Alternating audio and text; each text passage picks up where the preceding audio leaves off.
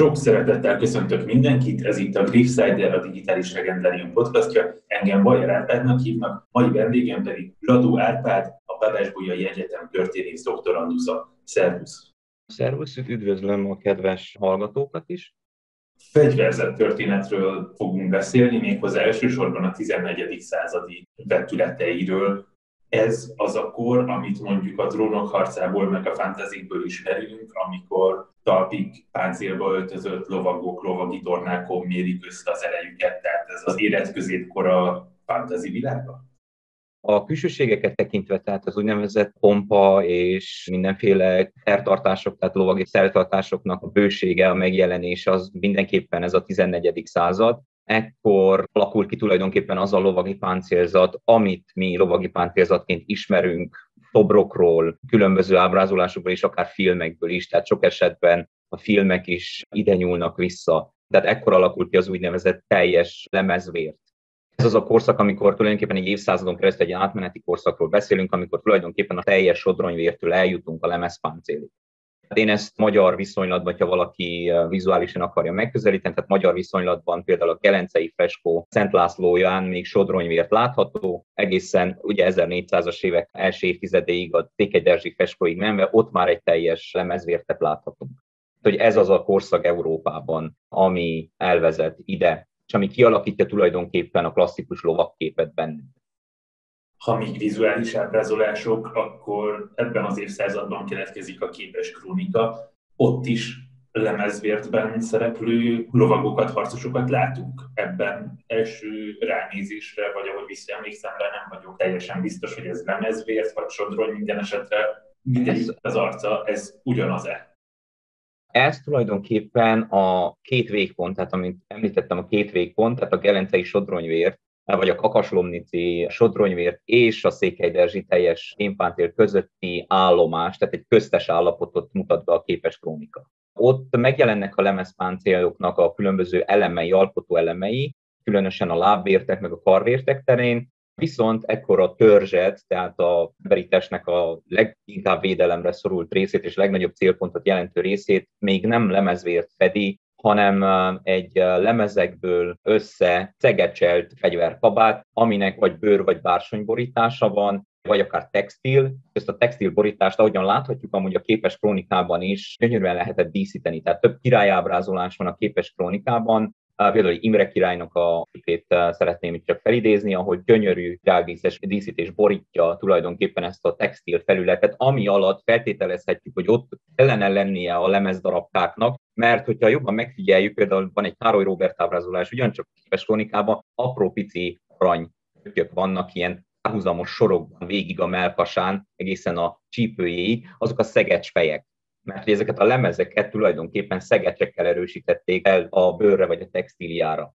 És ebből a lemezes szerkezetből alakul ki tulajdonképpen később az 1360-as, 70-es évekre a melvért tulajdonképpen, ami ebbe, ebbe belemeltünk, ezek már ilyen technikai részletek, de hogy ebből alakul ki később például a melvér.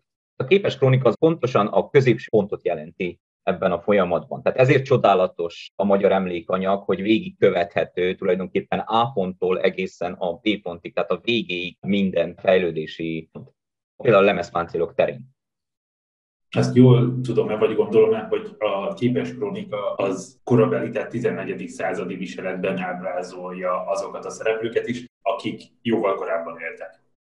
Ugye ez egy későbbi fejlemény a historizálás, mert például tudjuk angliai emlékek alapján, itt Toby Capwellnek vannak nagyon jó kutatásai ezzel kapcsolatban, hogy például síremlékeken a 15. században megjelennek régebbi páncélzatok is, tehát volt egy olyan periódus valamikor a 15. század elején, amikor már igyekeztek visszanyúlni, tehát hogyha valaki a 14. században hunyt el, és a síremléket például a 15. század elején készítették el, akkor igyekeztek visszanyúlni néha a főfarabó mesterek, tehát arhaizálni próbáltak, tehát próbáltak közelíteni az elhunyt korához az ábrázolás. Képes kronikában ez nem jelenik meg. A képes kronikában adott korszak viseletében ábrázolják, a 14. század derekának viseletében ábrázolják például a honfoglalás korának harcosait is, hol nagyon érdekes, mert például a magyarok bevonulásánál, honfoglalás jelenetnél van olyan, hogy például a magyarok között vannak nyugati viseletűek, és vannak keleti viseletűek. Tehát ezt a keleti-nyugati kettősséget észrevehetjük a képes krónikában. Arról nagyon jó tanulmányok készültek, hogy ennek mi lehet az oka, és tulajdonképpen ez a keleties ábrázolás tulajdonképpen mit is jelent, és mennyire lehet tulajdonképpen a korhű ábrázolásnak tekinteni. Tehát úgy értve korhű ábrázolásnak, hogy mennyire feleltethető meg például a 14. századi realitásoknak. Tehát például az ábrázolt kunok mennyire néztek ki úgy a 14. század derekán, ahogyan azt a képes krónikában ábrázolták. Tehát, hogy vannak ilyen kérdések. Vannak nekem elméleteim, meg ötleteim nagy elődök nyomán, de ez nagyon érdekes kérdés. A freskókkal kapcsolatban ugyanez jelenik meg, hogy vajon az a kunvitéz az mennyire a 14. századot képviseli, és mennyire tulajdonképpen a művészi fantáziának egy sablonszerű lecsapódása. Ha már ez a kor, akkor van egy másik aktualitása is ennek a kornak, ez pedig a Toldi rajzfilm, a Jankovics Marcel féle rajzfilm. Azért is hozom ezt be, mert a felvétel előtti beszélgetésben szóba került ez. Mit láttál a Toldi sorozatban fegyverzettörténészként, és mit láttál azon kívül magánemberként? Hát ugye a szakember az nem tud nem szakemberként viszonyulni szinte semmihez, tehát nemrég Bolonyába látogattunk a feleségemmel, és nem tudtam úgy nézni a freskókat vagy a festményeket, akármelyik korszakból, hogy ne azt nézzem, tehát a szemem ne arra álljon rá, hogy az a páncélábrázolás például hogy néz ki, tehát hogy korhűe, vagy hogy mennyire felel meg a fennmaradt leleteknek. Most a Toldi esetében eleve úgy indultam neki, hogy ez most tulajdonképpen egy ugye Arany Jánosnak a remekének lesz a vizuális megjelenítése, aminek lesznek valószínű olyan elemei, amelyek esetleg fegyverzetörténeti szempontból is érdekelhetnek. Most azt tudom mondani, hogy ugye ez körülbelül a 14. század terekát kellene megjelenítse, ugyanakkor vannak a manéziai dalós könyvből átment ugye 14. század legelejére hajazó ábrázolások, ugyanakkor vannak a 14. század közepére jellemző elemek megjelenítve. Őszintén szólva az összhatás, a vizuális összhatás annyira csodálatos, hogy egyszerűen nem tud mond kritikát megfogalmazni, vagy, vagy belekötni úgymond, hogy az a lábvért, vagy, vagy az a sisak nem talál oda. Sőt, azt vettem észre, hogy igyekszem megmagyarázni, hogy az miért jó, hogy miért jó az, hogy például a manéziai daloskönyv teljes sodronyvértbe öltöztetett lovagjaiként ábrázolják Toldit néha, meg a Toldi környezetét. Mondom, inkább, mint műalkotást úgy tekintek rá a, erre a Toldira. Tehát, hogy sikerült valamennyire elvonatkoztatni tőle.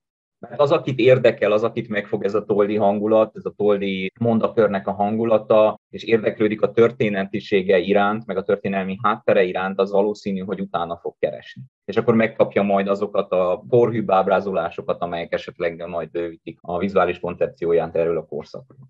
Ez egy nagyon jó bevezető tulajdonképpen a toldi, az a captatio benevolencio tulajdonképpen, amely az átlagember megfogható, megragadható ezek után fel kell, hogy tegyem azt a kérdést, hogy mire jó a fegyverzett történet. Gondoltam arra, hogy van egy alkalmazott irány, pont hogyha valaki mondjuk animációt szeretne csinálni egy adott korról, vagy pedig valahogy meg szeretné jeleníteni, akkor a fegyverzett történész, ahogy a viselet hozzá tud tenni ahhoz, hogy hiteles legyen ez a megjelenítés. Miért érdemes fegyverzett történettel foglalkozni? Azért, mert nagyon kevesen foglalkoznak vele. Többek között a fegyverzet története nagyon sokáig csak régészek foglalkoztak, vagy zömében régészek foglalkoztak. Ugye ez a 19. század elején jelenik meg Angliában, ugye a nagy romantikus középkor felé fordulás neogótika nyomán, és ekkor kezdnek tulajdonképpen ilyen kutatásokat végezni. Aztán ugye a régészek azok, akik majd később bekapcsolódnak, mert hát ugye a különböző ásatások során fegyverekkel is találkoznak. Na most már azt akármelyik régész el tudja mondani, hogy sajnos nagyon kevés a fegyverlelet, a korszak függő, de például a középkorból inkább ilyen szorványleleteket ismerünk, innen-onnan előkerül egy-egy fegyver, és akkor egy régész valamit kell kezdjen vele. És akkor régészek voltak azok, akik különböző ilyen tipológiákat próbáltak felállítani a fegyverek terén, különösen a szúró és vágó fegyverek terén, és aztán megjelent a 20. században a hagyományőrzés, tehát a katonai hagyományőrzés, akik felhasználták ezeket a régészeti kutatásokat és például egy fegyverzett történész, aki fegyverzett történettel foglalkozik, azaz a fegyvereknek nem csak a megjelenésével, hanem azok használatával, használati módozataival, elterjedésével. No, hát egy fegyverzett történész az tanácsot adhat például katonai hagyományőrzőknek, ugyanakkor, hogy te is mondtad, egy animációban nyújthat segítséget abban, hogy tulajdonképpen azt a kort amennyire csak lehet hitelesen jelenítsük meg, és tulajdonképpen közvetítsük a nagy közönség felé.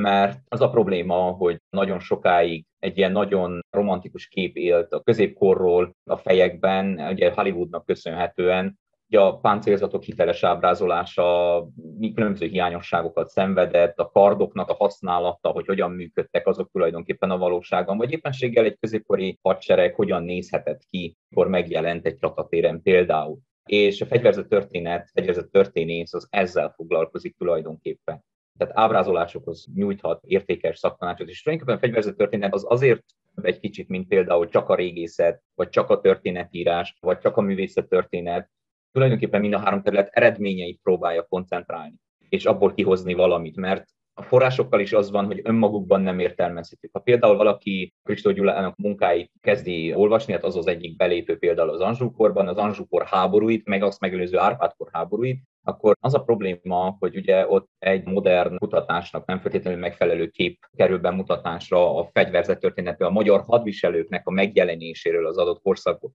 Azért, mert rengeteg olyan forrást használnak fel szakirodalmi tételt, ami a 19. század végéről származik, és akkor itt jön be a modern fegyverzet történetkutatás. Vagy csak kizárólag például az írott forrásokra támaszkodnak, vagy kizárólag csak a régészeti leletekre támaszkodnak, Na és akkor én például azt próbálom csinálni, ez, ebben nem vagyok egyedül, tehát ezt én sem a levegőből húztam, hanem próbálok művészettörténeti tanulmányokat behozni, azért, mert tudnom kell, hogy az adott korszak művészetében mi mit jelent. Tehát milyen szimbolikája van egy-egy megjelenített elemnek, egy-egy korszaknak adott, milyen sajátosságai voltak, milyen formanyelve volt. Tehát ahogy te is utaltál arra, hogy az adott korszakban az előző koroknak a szereplőit hogyan jelenítik meg, és miért jelenítik úgy meg.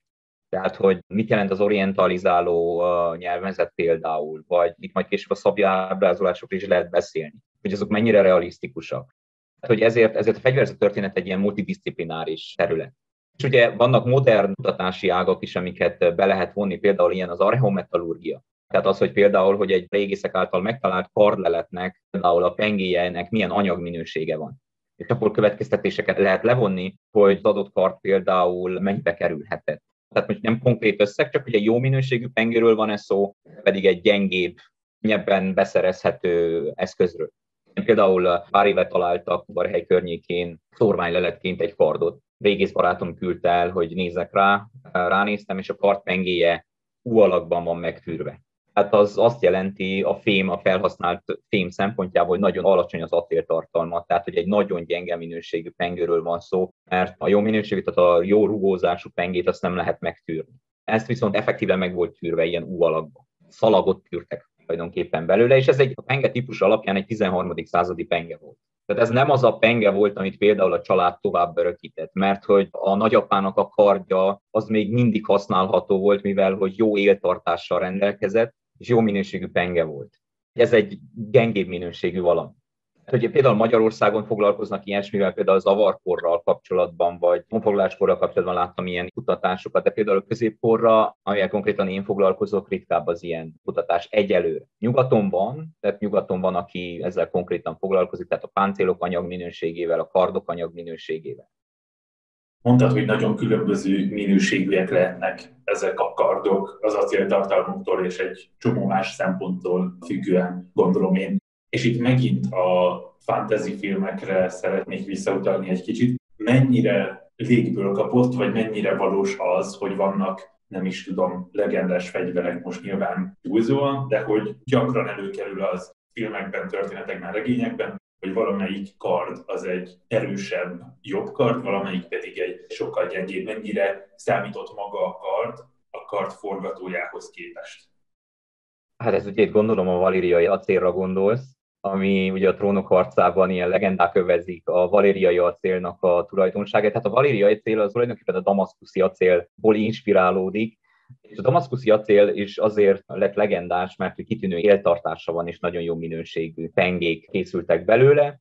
Most már a kardok esetében elsősorban ugye a viselője, az használója, vagy a legendás felhasználója teszi tulajdonképpen azt a kardot egy ilyen mitikus tárgyá, amelyet esetleg megőriznek tehát így maradnak fenn gyűjteményekben például koronázási kardok, mert hát ugye az egy adott uralkodóhoz köthető. Tehát például ugye az prágai Szent István kard is, vagy Szent Istvánnak tulajdonított kard is egy ilyen, vagy ugye a híres Bécsi Attila kardja, ami tulajdonképpen egy 10. századi magyar jellegű szabja tulajdonképpen, de viszont Attilához kötötte a későbbi hagyomány. És aztán ugye persze ott van, hogy milyen minőségű ez az acél, az csak ahhoz járul hozzá tulajdonképpen, hogy ez sokáig funkcionális eszközként fent maradhat. Tehát újra élezhető tulajdonképpen, mert az az érdekesség ezekkel a kardokkal, hogy vannak 14. századból származó források, ahol leírja, hogy egy katalán lovak például fűrészé verte a kardját csata közben. Hát, hogy úgy nézett ki a csata után a kard, mint hogyha fűrész lett volna, tehát kicsorbult tulajdonképpen a penge. És akkor itt jönnek be majd a karcsiszárok, akik, hogyha jó minőségű az acél, ebből újra kardot tudnak faragni ebből a fűrészből.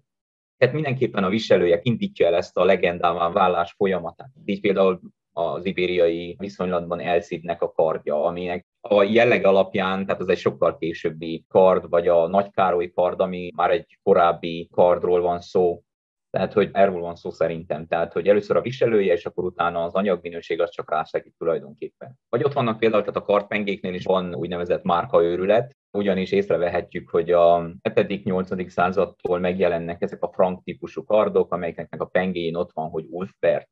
Az Ulfbert az valószínű, hogy egy frank fegyverkovács volt, aki nagyon jó minőségű kardokat készített, és aztán tulajdonképpen ezek a pengék legendás minőségű pengékké váltak a felhasználóik kezében, és olyan is megtörtént, hogy ráhamisították a pengére az Ulbert feliratot, hogy ezzel kölcsönözzenek neki tulajdonképpen egy hozzáadott értéket.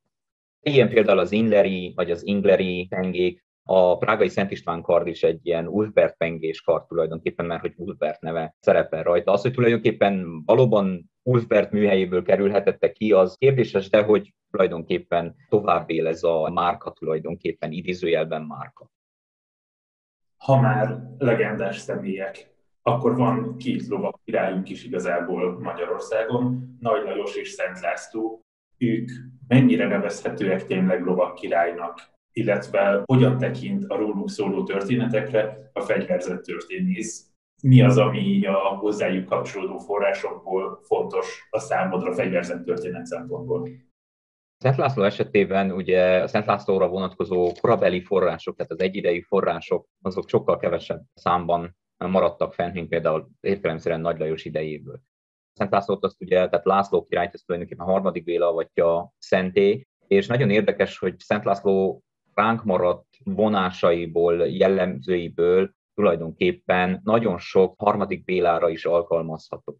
Tehát érezhetünk egy ilyen harmadik Béla által elkezdett, ilyen tulajdonképpen alapformáló folyamatot, mert hogy Szent László a 11. század végén, ugye utolsó harmadában uralkodott, ami azt jelenti, hogy akkor Magyarországon tulajdonképpen ez a lovagi kultúra még csak talán síráiban sem lehetett jelen, hiszen nyugaton is ekkor kezd tulajdonképpen körvonalazódni és a lovagi kultúra, meg a lovagi értékek, a lovagi erények, azok tulajdonképpen a 13. század, 14. század termékei.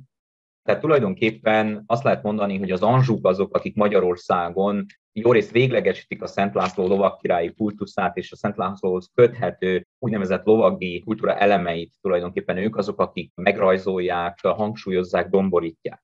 És akkor természetesen be Nagy Lajos, vagy Lajos, Kubinyi András ugye vitatja, hogy talán a nagy jelzőt az tulajdonképpen nem biztos, hogy megérdemli. Ez így egy csúnya szó, hogy megérdemli, hiszen nem erről van szó, mert hogy Nagy Lajost a korban vagy a halála után nagyon sokáig nem nevezték nagynak. Használtak mindenféle jelzőt vele kapcsolatban, például az, hogy hatalmas vagy ilyenek, az nem azt jelenti, hogy nagy. Viszont Nagy Lajos ebbe a 14. századi érett középkornak a lovagi kultúrájában nevelkedik ő ebből a szempontból lovak királya, mint a 11. század végén uralkodó László. Lajos lovagi erényei azok tulajdonképpen valósághűbbek, sokkal korhűbbek, mint például az, amit László királyra próbálnak visszavetíteni tulajdonképpen. A lovagi etiket, a lovagi kultúra elemei azok inkább Lajos korában korhűek. Az, hogy mennyire gyakorolták ezeket a, a lovagi erényeket, az egy teljesen más kérdés.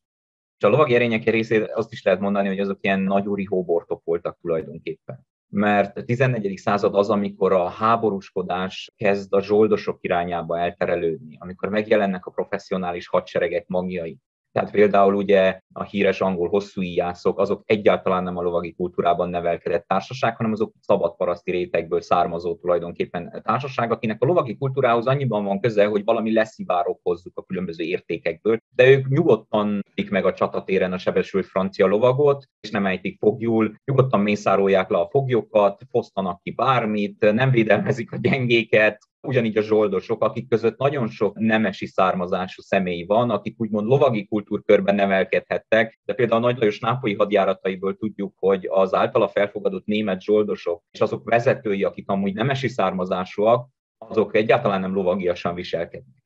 Hát Lajosnak ezzel nagyon sok problémája is akadt, például a nápolyi hadjáratok idején, mert ő ugyan lehet, hogy lovagiasan viselkedne, de a csapatai jelentős része, ami német és olasz zsoldosokból áll, azok egyáltalán nem tartják be az úgynevezett lovagi háború vagy lovagi hadviselés szabályait.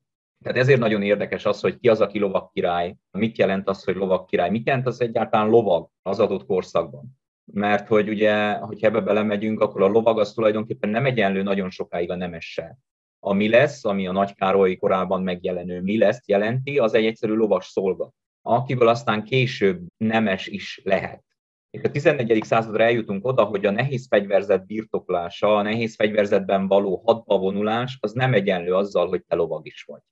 Ezért egy kicsit bonyolult a terminológia használata, és nagyon sok ugye ilyen visszavetítés van, meg a hagiográfiai, tehát ilyen szent kultuszhoz köthető elem, ami később keletkezik, tehát az adott személy életében nem, úgymond nem korhű a lovagi evények, meg életmód, illetve az, hogy egy, talán lehet mondani, hogy egy fegyvernemhez egy viselkedésmódot is társít, legalábbis az utókor, ez onnan jön, és mi az, ami lehetővé teszi azt, hogy ez elterjedjen, és így maradjon meg nekünk, hogy a lovag az lovagias, az védelmezi a gyengéket, az nehéz páncélzatban jár, esetleg valamilyen lovagrendnek a tagja, stb mindenképpen nagyon sokat segített ezen a 19. század, amely ugye újult energiákkal fordult a középkor felé, fedezte a keresztes hadjáratokat, ugyanis a lovagi hadviselésnek tulajdonképpen az egyik csúcspontja ez a keresztes hadjáratok. Ugye ekkor jelennek meg a lovagrendek is, viszont a lovagrendekről ekkor mind a harcos szerzetesek társulásáról effektív, ugye csak egyházi kontextusban beszélünk. Tehát az egyház az, amely tulajdonképpen formálja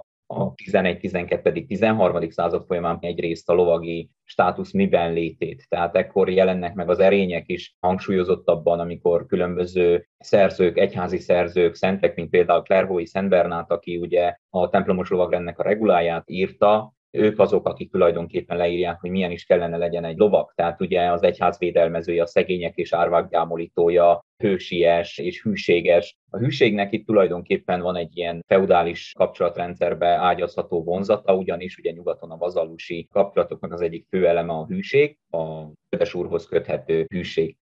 A 13. század folyamán ugye mondtam, hogy ez a keresztes agyáratok milliója az, ami ugye egyrészt elkezdi körvonalazni ezt a lovagi kultúrát, és ugyanakkor van ennek egy világi vonulata is, a lovagi udvari kultúra, amely különböző uralkodóknak az udvarához, vagy nagyobb főuraknak az udvarához köthető. Itt elég Franciaországban különböző regionális hatalmasságoknak az udvarait megemlíteni, mint például oroszlán szívű Rihárnak az édesanyját, Akitániai Eleonorát, akinek az udvara az egy ilyen korai udvari kultúrát terjesztő és tulajdonképpen alkotó közeg volt. Most már az úgynevezett lovagoknak nagyon ekély száma kötődött ehhez az udvari kultúrához, az, a többség az továbbra is egyszerű vazallus volt, és egyszerű fegyveresként szolgálta az urát, néha földbirtokkal sem rendelkeztek. Na most már ugye a 19. század felfedezi ezt az életközépkorban kidomborodó és kihangsúlyozódó kulturális milliót, és akkor megpróbálja tulajdonképpen az egész középkori hadviselésről szóló narratívát ebbe a keretben értékelni. Tehát innen jön az, hogy például nagyon sokáig, még a magyar hadtörténetírásban is, vagy történetírásban is mindenki a lovagi hadseregekről beszél, és akkor ugye negyedik Béla és a nehéz fegyverzetű lovasság hiánya kérdésköre, stb. stb. Tehát igen, ennek köszönhető az tulajdonképpen, hogy a lovagság az tulajdonképpen ilyen hangsúlyos lesz, és aztán ugye persze a különböző filmek, amelyek hát a 20. század második felében megjelennek a különböző középkori témákban, hát ugye El Cid és társai, ahol megjelennek a nagy közönség előtt a különböző lovagi tornák, hogy hogyan nézett ki egy lovagi torna, vagy hogyan képzelt el az adott korszak alkotója, filmrendezője a lovagi tornát, az ott megjelenik először a filmvásznon, és ebben Hollywoodnak hatalmas szerepe van. Tehát Arthur király legendakörét is akkor ugye megjelenítik a filmvásznon, és akkor ugye láthatjuk, van a Richard Gere-hez köthető Arthur király, ott is mindenki csodálatos tetőtől talpig fémpáncélba öltözve vetik el a hősi cselekményeket, és lovagiaskodnak, holott tudjuk nagyon jól, hogyha Artur király létezett, akkor valószínű egy ilyen 6. századi tipikus angol száz vagy késő római fegyverzetben megjelenő valaki lehetett akinek lovagjai nem nagyon lehettek, körül lehetett véve esetleg néhány fegyveressel, aki úgymond az ő kíséretéhez tartozott, és nagyjából egy sodronyingel lehetett felszerelve, meg egy sisakkal. Tehát, hogy így alakult ki tulajdonképpen a lovakkép mai világ szemléletében, vagy a mai köztudatban tulajdonképpen. Ugye a trónok harcára aztán ráerősít, most pedig ez az utolsó párbaj, amit még nem láttam, de viszont már töménytelen mennyiségű kritikát olvastam, vagy néztem a történeti szempontból. Tehát a, a fél arcvédőjű sisak az például egy nagyon érdekes dolog. Tehát egy lovagi tornán nem tudom a konkrét használ, de na, tehát jobban látod, amikor például a torna láncsa belehatol a fejedbe. Arra jó a fél arcvédő sisak például. Na, tehát, hogy Hollywood továbbra is alakítja a középkorról alkotott képünket. Vannak szerencsés próbálkozások is, például a Robert de Bruce-hoz köthető Outlaw King Netflix produkció, ami hát ott is lehet vitatkozni a történelmi hitelességről, stb. stb. de viszont az egy sokkal hitelesebb, a kora 14. századi képet ábrázol, mint bármely más középkorról szóló alkotás vége van ennek a koszos, sáros ruhákban mászkáló, sárban dagonyázó Monty Python-szerű középkori ember képnek. Színes ruhák vannak. A sárban csak azért dagonyáznak, mert esik. Tehát, hogy nem azért, mert hogy ez az életnek a velejárója. Vagy ott van például a Kingdom of Heaven, ami ugye a kezdes hadjáratok idejére szól, az is meglepően hitelesen ábrázolja például a 12. század végi fegyverzetet és részben viseletet. Ahhoz képest, hogy a történet az egy totál fantasy dolog, de viszont a viselet meg a különböző harcmódoknak az ábrázolás az relatív hiteles. Tehát azt tudom ajánlani mindenkinek, hogyha azt akarja látni, hogy hogyan néz ki a 12. század végén a nyugati keresztes hadviselő, az ott nagyjából elkezdheti viszonylag nagyobb problémák nélkül a tájékozódást. A muszlim hadseregek az egy másik kérdés, tehát a korabeli közel-keleti hadseregek és hadviselők fegyverzetes kinézet, ez egy másik kérdés, az egy másik világ. Na, hogy igen, tehát hogy a Hollywood és a média alakítja ezt a narratívát még mindig, és vizuálisan is ő nyomja bele tulajdonképpen a különböző képeket, égeti bele a köztudatba, hogyan kell a lovakkor, és a lovak hogyan kell kinézni és viselkedni. Ha nem erre a romantikus filmbéli lovagi kultúrára gondolunk, ami nagyon sok fiktív elemet hordoz, hanem egy hiteles lovagot szeretnénk elképzelni, megjeleníteni, sőt, nem is feltétlen lovagot, egy hiteles 14. századi harcos, akkor mihez érdemes nyúlni, mik azok a források, amikkel egy fegyverzett történész dolgozik? Hát ugye elsősorban megnézi a fennmaradt régészeti leleteket, vagy éppen muzeális darabokat, mert a 14. századból maradtak fent például páncélzatelemek, Ezeket megpróbálja összevetni például a különböző művészeti ábrázolásokkal, freskókkal, szobortöredékekkel, miniatúrákkal, stb. stb. És aztán belenéz az írott forrásokba. Mert az írott forrásokban is ekkor már ugye megjelennek a különböző végrendeletek, leltárok, megjelennek a különböző kereskedelmi dokumentumok például főleg itáliai városokból maradtak fent, tehát a különböző kereskedelmi tételeknek a leírásai és ezt a három forrást összevetve nagyjából a valósághoz közelítő, nem azt mondom, hogy 100%-ban azt bemutató, leíró, visszaadó képet, de ahhoz közelítő képet lehet alkotni arról, hogy tulajdonképpen hogyan nézhetett ki egy átlagos lovag, úgymond. A lovag kifejezést például a saját kutatásomban nagyon-nagyon ritkán használom, vagy a lovagi harcmódot, azért mert a 14. században a lovagi státusz az már egy ilyen különböző ceremoniális gesztusokkal a nemességhez szorosan köthető valamivé válik, ami régiónként, a tartalma régiónként, or, tulajdonképpen országonként, királyságoként, területenként változik, és ezért inkább, amikor én leírok egy adott fegyverzetet, vagy egy adott hadviselőfélnek a hadseregének az összetételét, akkor inkább a fegyveres kifejezést használom. Mert ebben a korszakban jelenik meg a fegyveres kifejezés is, mint például a men at arms, gendarme, ezek akkor jelennek meg. Amikor tulajdonképpen nem lovagról beszélnek a források, hanem egyszerűen egy nehéz fegyverzetű harcosról, aki lehet lovag, és lehet, hogy nem lovag. De viszont a lovagságnak az egyik forrása tulajdonképpen, tehát bázisa, ez a fegyveres kategória. Hát ez a társaság ugyanúgy van felszerelve legjobb esetben, mint a legelőkelőbb lovagok, akik tényleg lovaggá ütött szertartás során lovaggá ütött lovagok, és esetleg az arisztokrácia tagjai, vagy az arisztokrácia körében tartozó vazallusok, akik lovagi címmel is rendelkeznek, ezek ugyanúgy vannak felszerelve, ugyanazt a funkciót törtik be a csatatéren, ugyanúgy harcolnak, viszont nem feltétlenül lovagok. Úgyhogy ezt érdemesnek tartottam megjegyezni, hogy ezért például én szívesebben használom a fegyveres kifejezést, vagy a nehéz fegyverzetű harcos kifejezést. Vissza fogunk térni a forrásokra és a módszertanra, de még a lovaktinához egy kérdés csak feljött, hogy a korszakban hogyan lehet valakiből lovag, illetve kiből lehet lovag. A társadalmi mobilitás kérdés ez egy nagyon jó kérdés.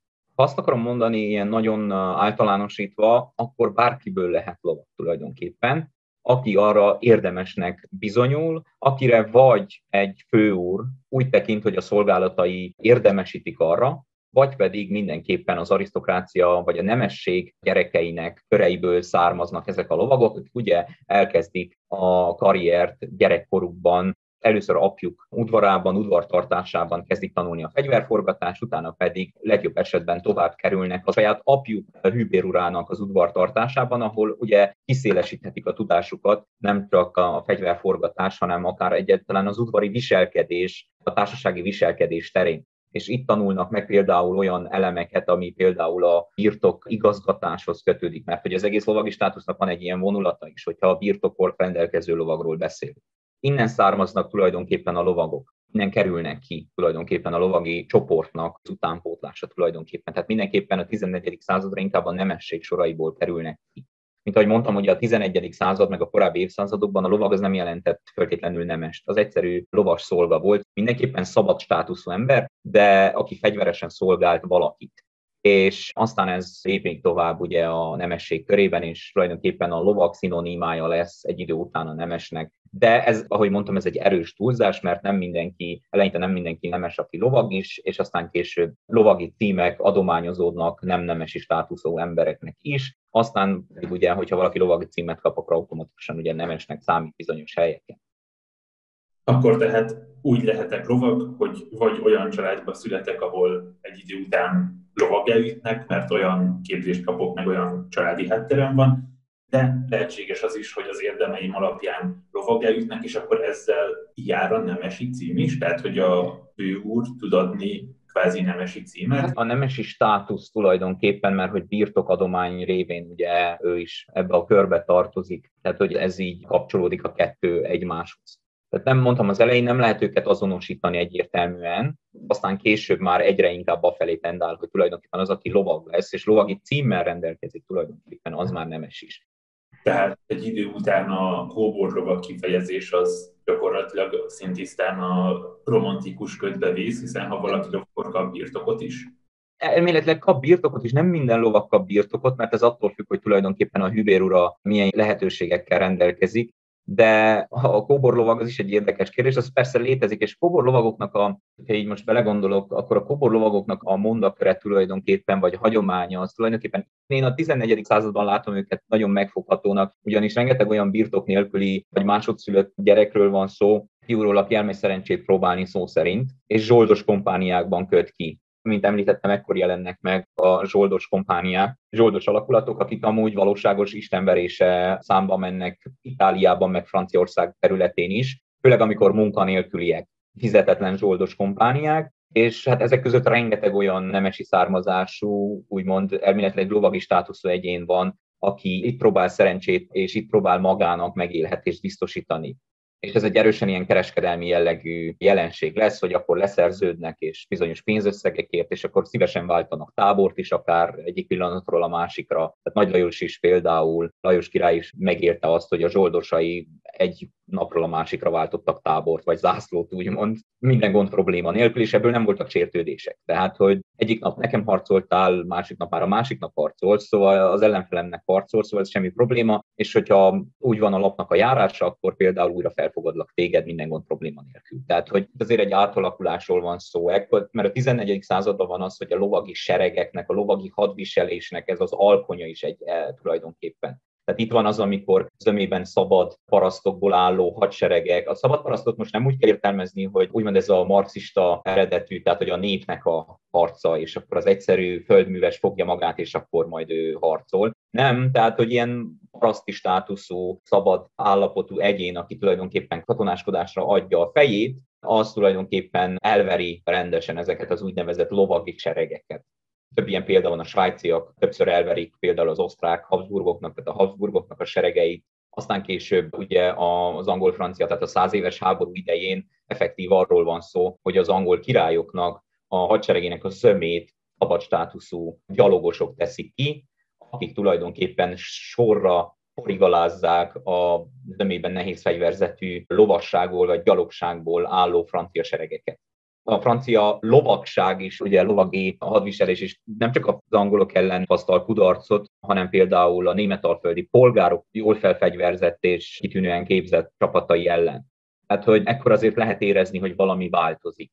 Ez az érdekesség, hogy a lovasság vagy a lovagság az soha nem dominálta a csatateret olyan értelemben, mint ahogy ugye a 19. század meg a 20. század filmjei elhitették velünk. Tehát mindig ott volt a névtelen gyalogos, aki, hogyha jól képzett volt és jól felfegyverzett, akkor nagyon jó eséllyel állította meg a legelsőbbnek induló lovasrohamot is. Több német-romai császár tapasztalhatta ezt meg például itáliai kalandjaik során, amikor az itáliai városállamok gyalogos csapatai, gyalogos kompániai tulajdonképpen megállították a lovagjaikat. Idézőjelben mondom a lovagjaikat. Kik dominálják hát a csatateret, illetve kik vannak egyáltalán ott a 11. századi csatatéren? Beszéltünk a nehéz fegyverzetű lovasságról, akiket romantikusan lovagoknak hívunk, talán így érdemes akkor mondani. Mit lehet tudni a korszakban a gyalogságról, illetve kik vannak még ott? Mindenképpen ugye hát ott van a harcos elit, tehát a harcos elit, akit úgymond lovagoknak hívunk, ahogy mondtad, ez a nehéz fegyverzetű lovasság. Azon kívül az ő kísérőik, akik szintén nehéz fegyverzetű lovasként, vagy félnehéz fegyverzetű lovasként kísérik őket tulajdonképpen a csatába. Ezen kívül ott vannak a zsoldos csapatok, akik hát nagyon vegyes összetételűek, vannak közöttük nehéz fegyverzetű lovasok, vannak köztük nehéz gyalogosok. A nehéz gyalogság zöme a szabad státuszú egyén tulajdonképpen. Itáliában nagyon sok városi polgár tulajdonképpen az, aki csatlakozik ezekhez a zsoldos kompániákhoz. Nekik már eleve van valamilyen képzettségük, mert hogy ugye a városok milíciákat állítanak ki a saját falaik védelmére, tehát ugye a polgárság bizonyos részének, elemeinek van hadviselési kötelezettsége a város védelmében és tulajdonképpen a város falain túl is. Aztán ugye vannak a műszaki csapatok, akik erős kifejezéssel műszaki csapatokat között ott lehetnek a hadmérnökök, akik tulajdonképpen egy ostromot tudnak ekkor már szervezni, tehát hogy egy ostromnak a hatékony levezetését biztosítják, a szállítást biztosítják, ehhez még ugye csatlakoznak a különböző vidékekről borzott, vagy éppen feudális kötelezettségek alapján megjelenő kíséretek, akik között ugye, mint mondtam, vannak gyalogosok, meg lovasok is. Magyarország ilyen szempont, vagy a Magyar Királyság ilyen szempontból érdekes, mert a Magyar Királynak sokkal nagyobb a hatalma ilyen szempontból, mint sok nyugati uralkodónak, tehát a Magyar Király ugye az Anzsú korban domborodott ki a banderiális rendszer, ami azt jelenti, hogy a honor birtokokat kezelő magyar főurak kötelesek megszabott számú kísérővel megjelenni. Ezek közé tartoznak például az ispánok, akik a vármegyéket igazgatják, és a vármegyékből származó csapatokkal jelennek meg a királyi táborban. Most már a magyar csapatoknál ugye ez végigvonul a középkoron, hogy a hadsereg szemét lovasság teszi ki, ez könnyű és félnehéz lovasság, na most már erről hatalmas viták voltak, és vannak a szakirodalomban, hogy mit jelent a félnehéz lovasság, mi az, hogy átmeneti lovasság, vagy, vagy tehát, hogy ez egy külön téma. Én azon a véleményem vagyok, hogy nem feltétlenül az számít, hogy milyen fegyverzetet visel, hanem az, hogy taktikailag a harctéren hogyan alkalmazzák ezeket a csapatokat. Na most már a magyar hadviselőknek vagy seregeknek egyik jellegzetesség, amit például az itáliai szerzők is, szemtanúk is leírják, ugye ez az íjász könnyű lovasság, aminek a zömét ebben a korszakban ugye a Kunov meg vármegyei csapatok teszik ki. Nagyon jó leírás van például arról a Matteo Villani krónikájában, hogy hogyan nézett ki például egy korabeli magyar könnyűlovas íjász ez azért érdekes, mert a villániak nem beszélnek Lajos királynak például a zsoldosairól, mert hát azok nem jelentenek semmi újdonságot számukra, vagy például a magyar csapatok, tehát a Magyarországról, a magyar királyságról származó csapatok közül sem említik például azt, hogy hogyan néz neki egy magyar, jól felszerelt, például nehéz fegyverzetű lovas, mert hogy olyant már láttak. Ők inkább a hangsúlyt ezekre a könnyű lovas IAS csapatok leírására helyzik, hiszen azok exotikumnak számítottak a korabeli Itáliában. És ők egy olyan funkciót tudnak betölteni a csatatéren, ami a korabeli nyugati viszonyok között ritkán vagy nem nagyon jelenik meg. Tehát ezt a felderítés, sarcolás, gyors átkaruló hadműveleteket, ezt a rugalmasabb hadviselési formát képviseli amelyeknek ugye pusztai hagyományai vannak, tehát kyeppei örökségről beszélünk, és amelyet ugye a kunok és többek között a székelyek visznek tovább, és tartanak fent egy nagyon hosszú ideig. Ezeket a könyvolvasókat úgy kell elképzelnünk, ahogy a képes krónika ábrázolja mondjuk a kunokat. Ez egy nagyon-nagyon jó kérdés, ugyanis észre lehet venni a, a képes krónika és a Szent László Freskó ciklus ábrázolásain, hogy a kunok eléggé sablonszerűen jelennek meg, vagy pedig nagyon érdekes, hogy a kun ellenfél, tehát a Szent László legenda kun ellenfelének az ábrázolása sokszor megegyezik a Szent László saját seregében megjelenő harcosoknak az ábrázolásával. Tehát van olyan erdélyi székelyföldi freskó, ahol a kunok a nyugati fegyverzetben vannak ábrázolva. Viszont íjjal a kezükben. Létezik egy ilyen igény, hogy valahogy a keletiest megjeleníteni, de nagyon-nagyon érezhető, hogy ez egy sablonszerű ábrázolás, aminek lehetett valami valóság alapja. Ami nagyon érdekes az az, hogy Itáliában találtam olyan ábrázolást, ami Altichiero da Zeviohoz található az 1380-as években Pádovai Szent György oratórium falain megjelenített keresztrefeszítés és Krisztus kényszenvedése ábrázolásokkal kapcsolatban, hogy a kereszt tövében, a keresztfa alatt keleti viseletű harcosok jelennek meg, akik szoffot viselnek, a sisakjuk teljesen előtt a környezetüktől, tehát a nyugatias viseletben megjelenő harcosok sisakjaitól, és szabját viselnek. Hát a leghitelesebb kun ábrázolást, úgymond idézőjelben kun ábrázolást, vagy magyar könnyűlovas ábrázolást, azt a Kárpát-medencén kívül kell keresni, szerintem Itáliában. Vannak olyan nyugat művészettörténészek, akik azt mondják, hogy ezek a keleti figurák, akik megjelennek ekkor az itáliai festészetben, egyrésztüknek a modellje az valószínű, hogy Nagy Lajos itáliai hadjárataiban résztvevő magyar csapatokhoz köthető. Ha Matteo Villani leírja őket szóban, hogy hogyan néznek ki, akkor az olyan festők, mint Altichiero da Zevio, úgy lehetjük szerintem, hogy meg is jelenítik őket. Mert ugye ez már a kora reneszánsz, és azért itt már van egy bizonyos hitelességre való törekvés nem lehet eltúlozni, nem azt mondom, hogy száz százalékban azt, nem azt mondom, hogy biztosan Kuntá vitézt ábrázolt, de megszólalásig hasonlít még a csizmája is. Tehát, hogy ez a csengelei kun sírlelet elemeihez hasonló felszerelés elemek jelennek meg, még a kaftán is rajta tulajdonképpen a freskón. Mindenkinek ajánlom, hogy keressen rá Altikier oda Zeviónak a freskójára, és meg fog döbbenni, hogy a cofos harcos a képességgel a Krisztus keresztények a tövében háttalál a nézőnek, az mennyire hasonlít például a képes krónika, vagy a vagy egyes magyarországi freskók ábrázolásaihoz. Itt egy kérdés, hogy ki kit inspirál, de az a lényeg, hogy létezik hasonló párhuzam. Későbbről a 15. század elején Velence szolgálatában feltűnnek a stratióták, amik görög-balkáni könnyű lovasságot jelent, és azok megjelennek a korabeli freskókon is a stratiót, a könnyű lovasság megjelenik a freskókon is, mint a keleti a harcosoknak tulajdonképpen az etalonja. Ezek nagyon érdekes kérdések, amikkel érdemes foglalkozni. És például azt veszük, akkor például Altichero de Zvejvónak a freskóján a szabjának az íve és a szabjának a szélese, penge szélessége, ami ugye itt hüvelyben van ábrázolva, de a hüvely szélességéből lehet feltételezni azt, hogy körülbelül milyen lehetett a pengének az íve meg a szélessége inkább hasonlít a magyarországi kunnak vagy besenyőnek tulajdonított 13-14. századi kun szabja leletekhez, mint az, ami például megjelenik a Kárpát-medencei freskókon. A magyar szakirodalomban nagyon sokat vitáztak arról, hogy akkor most ezek hogyan is nézhettek ki a 13.-14. századi magyarországi szabják. Mert hogy van körülbelül öt szabja lelet az egész Kárpát-medence területéről jelenleg, ami nem honfoglaláskori, és azokat kunoknak meg besenyőknek tulajdonították, de egyik sem úgy néz ki, mint ami a freskókon megjelenik, a kárpát-medencei freskókon. Ezért én például kitaláltam egy ilyen fogalmat, a művészi szabja fogalmát, ami azt jelenti, hogy ez egy standard, sablonszerű szabja ábrázolás, aminek nagyon sok köze nincsen a valósághoz. Tehát a régészeti leletanyagban megjelenő valósághoz. Egyszerűen egy sablonról van szó, amit használnak arra, hogy jelezzék, hogy a viselője az keleti harcos, vagy keletről érkezik, vagy tulajdonképpen ő az ellenség. A beszélgetésből azt hiszem, hogy kirajzolódik, meg beszéltél is róla, hogy milyen forrásai vannak egy fegyverzett történésznek. De mi az, ami megkülönbözteti a fegyverzett történészt a művészet történésztől, a többi történésztől, vagy egy régésztől hozzáállás, illetve módszertanban? Hát ahogy említettem, a módszertan terén a fegyverzet az tulajdonképpen több forráshoz nyúl vissza, és elsősorban ugye a fegyverzet fejlődésére koncentrál. És a fegyverzet fejlődéséről, mienségéről próbál elmondani valamit. Noha régészek is foglalkoznak, amit mondtam, ilyesmivel, tehát például egy kvarteletet leírnak és leír, tipologizálják. Több ilyen tipológia létezik. De a fegyverzetörténész az tovább megy ennél, mert a fegyverzetörténész azt is elmondja, hogy például hogyan használhatták.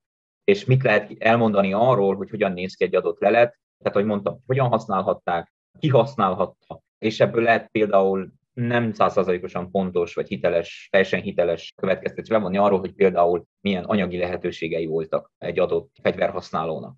Tehát a fegyverzet történész, az, mint mondtam, tehát a fegyverek fejlődésére, a fegyverek megjelenésére, azok társadalomban betöltött szerepére koncentrál. A kutatásaim során úgy rádöbbentem a freskókkal kapcsolatban, hogy itt művészettörténészek beszélnek arról, hogy akkor most megjelenik a 14. századi fegyverzet a nem tudom melyik freskón, ami párhuzamba hozható egy németországi ábrázolással amely megmaradt nem tudom melyik német templomban, sírkőfedlap formájában, vagy pedig egy freskó ábrázolás formájában. Ugye egy fegyverzet történész azt elmondja, hogy ez a fegyverábrázolás, ez lelet formájában megjelenik-e, az adott lelet azt jelentheti esetleg, hogy hogyan használták. Például a Székelyföldön megjelennek a 14. század első felétől, inkább 13. század második felétől megjelenő új karttípusok. Ez azt jelenti, hogy például valószínű, hogy a székelységnek a mondjuk úgy eskedelmi kapcsolatai azok lehetővé tettek azt, hogy ezeket az új típusú kardokat beszerezzék, ugyanis ugye, ahogy nehezedik a páncélzat, úgy egyre inkább a kardok funkciójukban is megváltoznak, tehát már ekkor nem zúzásra és sújtásra, vágásra lesznek csak kizárólag alkalmasak a pengék, hanem szúrásra is. Tehát ez az a korszak, amikor megjelennek ezek a egyre inkább tűhegyben végződő, megerősített pengeprofilú kardok, amelyek azt jelzik, hogy a székelység például, a székely hadviselők, vagy a magyar könnyűlovasság az felkészül arra is, hogy közelharcban megküzdjön az egyre nehezebb fegyverzetet viselő ellenfelekkel. Tehát van egyfajta ilyen adaptálódás. Hogy a fegyverzet történész ezekre is figyel, amikor freskókat nézi. És az az érdekesség a freskókkal, hogy ugye nemrég döbbentem rá arra, hogy amit mondtam, hogy egy van egy ábrázolás, és akkor elmondja a művészet történész, hogy az hogy illeszthető be a korszak ábrázolásaiba, és a regionális kontextus, és a különböző hatások. Viszont az adott világban, tehát az adott hétköznapokban a fegyverek sokkal inkább jelen voltak, mint napjainkban. Ezen nem tudom, hogy sokan elgondolkodtak-e, hogy a fegyver látványa, a fegyveres embernek a látványa sokkal elterjedtebb volt, sokkal hétköznapibb volt, mint manapság. Tehát manapság egy teljesen demilitarizált társadalomban élünk, főleg Európában, ahol fegyvert egyedül csak a fegyveres testületek viselnek, és azokat esetleg parádékon láthatjuk. Vagy akit érdekel, az utána keres interneten. De a középkorban egy polgár is szinte állig felfegyverkezve járt, ha nem is viselt kardot, mert a kardviselésnek voltak bizonyos szabályai, de viszont szinte kardhosszúságú pengéjű tűrökkel járkáltak, amikkel borzalmas sebeket lehetett ejteni. És ez a képes kronikában például megjelenik, hogy hogyan használták ezeket a tőröket. Hát ugye a magyar szakirodalmat nagyon sokáig foglalkoztatta a bitellus kérdése, hogy mi az a bitellus, ami a forrásokban megjelenik, hogy ez egy specifikusan magyar fegyver, kard, szabja, mi lehet az. Aztán Kubinyi András, meg mások is, és az ő nyomdokukon egy kicsit megnézve a környékbeli ábrázolásokat és kontextualizálásba, hát kijelenthetjük, hogy a bitellus az egy kétélű vagy egyélű hosszú pengéjű tör, ami az adott korszakban Közép-Európában is rendkívül elterjedt volt, különösen a polgári viseletnek volt a része. Ez egy kb. 30, akár 40 centis pengével rendelkező tör lehetett, amelyet egyszerűen önvédelemre használtak. Tehát annak a törnek más funkciója nincsen, csak az, hogy agyon szurkáld a másikat. És erre vannak adatok például a 14. századból Angliából, hogy iszonyatos mennyiségű halálesetről van tudósítás egy, egy ilyen városi konfliktus során, és az a halálesetek többsége szúrsebekből rendelkezik. Tehát modern körülmények között ezeknek az eseteknek a 90%-át tudnánk kezelni, de az adott korszakban nem. Mivel hogy ezek a hosszú pengéjű török, amelyeket általában felülről lesújtva használtak, például a képes kronikában Zács Felicián így van ábrázolva, hogy felülről sújt lefele, szúr lefele. Körülbelül ugye a nyak környékén lehetett ezt ugye nagyon jól kihasználni, ugye a kulcsontnál azt a lágyabb részt, tehát oda, hogyha sikerült betalálni az eszköznek, akkor az illető elvérzett. Nagyon sok esélye nem volt a túlélésre, tehát hogy ezek a tőrök megjelennek a Kárpát-medencében is, régészeti leletekben, ábrázolásokban és forrásokban is. De ez a csodálatos. Tehát látjuk, hogy használják. Például okleveles adataink vannak arról, hogy töröket hagynak hátra utódaiknak sok díszes például elefántcsontnyerő törről lehet olvasni például az oklevelekben. Tehát érdemes ilyen szempontból kutatni például az okleveleket is, a korabeli okleveleket, mert vannak ilyen elejtett utalások arra, hogy mit használnak az illetők. És az az érdekes, hogy mondtam, tehát, hogy a kardok, különböző fegyverek nem csak a harcos elit kezében jelennek meg, hanem bizonyos sokszor jobbágyok, polgárok kezében. Jobbágyokról van szó, hogy egymást ütik verik karddal a 11. századi Magyar Királyság terület. Igen, hát például nekem is van a saját gyűjteményemben egy késő 15. századra datált, tehát ezt én datáltam, egy hosszú kés, egy parasztkés, egy úgynevezett Bauernwehr, ami ezeknek a köröknek tulajdonképpen a polgári fegyverek csoportjába tartozik. A városi tanács, ahol mai nyelvre lefordítva a politikusok felfegyverkezve jelennek meg, el tudom képzelni, hogy ott a konfliktusok hogyan élesednek ki. Ahogy mondják, ugye a pofon lehetőségem mindig ott volt a vitáknál. Tehát ugye ez, ez az érdekesség az egészben. Az, ami kapcsán mi találkoztunk, vagy ahogy összekapcsolódtunk, az a Székely Határőr Emlékközpont, ahol a digitális legendárium is részt vett az előkészítésben, mert te is részt vettél az előkészítésben. Székelyföldre specifikusan mit lehet mondani erre az időszakra, ennek az időszaknak a fegyverzetéről, mit tudunk Székelyföldön. Azt tudom, hogy különleges, tehát hogy van specifikuma. Mi ez? Specifikum az mindenképpen a könnyűlovas keppei hadviselés egyes elemeinek a további fennmaradása ebben a korszakban. Többek között azért is lehetséges, azért is volt lehetséges, mert ugye a korabeli székességnek az ellenfeleinek a zöme az hasonló harcmódot alkalmazott. Tehát ebben a korszakban ugye a székesség úgy tűnik fel, mint aki a tatárok ellen, tehát a moldvai tatárok ellen visel hadat, akik ugye ugyancsak könnyű lovas hadviselést, tehát sztyeppei hadviselést folytatnak. Ismét kihangsúlyoznám, hogy csak azért, mert könnyű lovas hadviselésről beszélünk, nem azt jelenti, hogy nem viselnek időpántélzatot.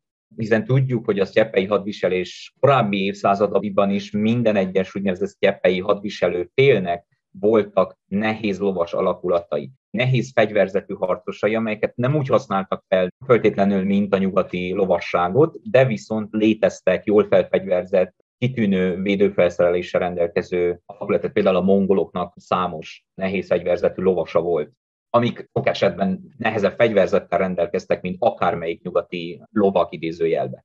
Na most már a Székelyföldön ugye ez a könnyű lovas hadviselés didik, ami azt jelenti, hogy a főfegyver az még mindig az így, ugye ezeket a gyorsabb, apróbb termetű lovakat preferálják, mint ahogy a korabeli források alapján a magyar hadviselőknek a zöme ezekkel vonulhatba, és ugye hát mindenféle fegyverzet elemeket találtunk meg, régészeti ásatások során, vagy szorványleletként, ugye. Tehát itt vannak nyugati típusú kardok, szabjalelet például nincs a Székelyföld területéről jelenleg, nem csak, hogy a későbbi századokból nincs, a honfoglalás korából nincsen ilyen lett fennmaradva, ez nem azt jelenti, hogy a székelyek ismerték volna a szabját, ugyanis hát mondtam, hogy az ellenfeleik javarésze az cseppei hadviselő volt, akikről tudjuk, hogy használták a szabját, viszont maradtak fent nyugati kardok szép számban, nyugati, de minden típusú kard megjelenik, tehát ami a késő középkorra jellemző, ami azt jelentett, hogy a székelyek hozzáfértek és használták is ezeket a kardokat. Vannak buzogányleletek, amiket ugye tudjuk a buzogányokról, hogy a kunok honosítják meg újra, vannak buzogányleletek, és nem csak a székelyföld, hanem az erdélyi vajdaság területéről, aztán ugye a különböző lándzsahegyek, Hát mindenképpen egy ilyen könnyűlovas hadviselő felszerelésről beszélhetünk, és könnyűlovas hadviselésről úgy általánosan. Az, hogy mennyire nyugatos, tehát mennyi nyugatos elem van ebben a hadviselésben, fegyverzet vagy viselet terén, az egy nagyon jó kérdés. Például Oaklandon van egy freskó, amelyen a kun vitéz az tipikus nyugati polgári kabátban van, viseletben van ábrázolva, viszont egy reflexíjat feszít.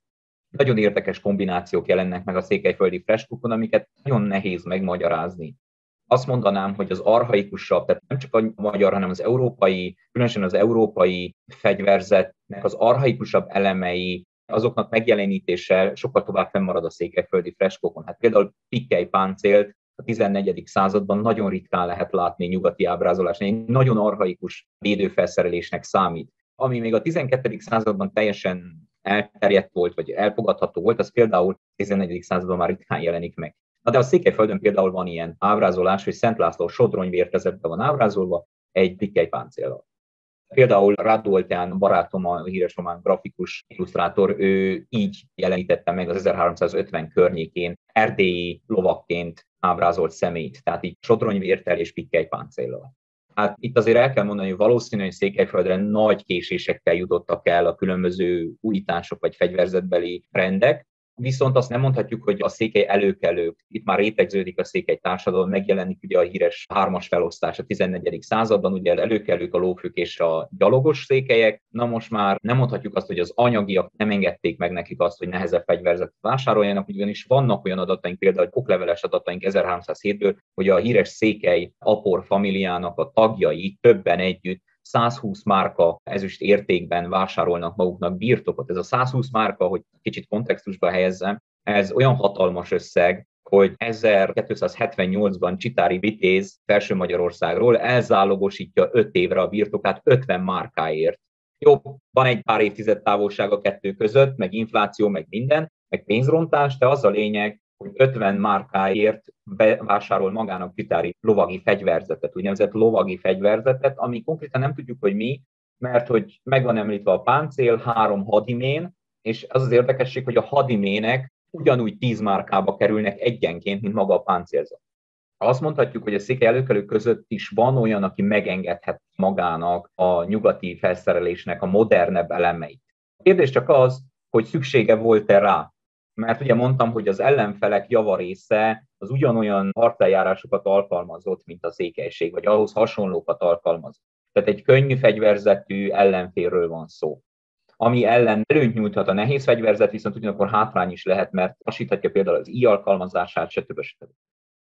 Kedves hallgató, köszönjük, hogy eljutottál ideig. A digitális legendáriumot megtalálod Facebookon, valamint YouTube-on. Ha pedig valamelyik podcast megosztón hallgatod ezt a beszélgetést, akkor kérlek, hogy értékelj minket, hogy minél több emberhez eljussunk. Árpád, tiéd a végszó. Hogyan összegeznéd ezt? Mi az, ami a legizgalmasabb és a legmagával ragadóbb számodra a 14. század fegyverzett történetben?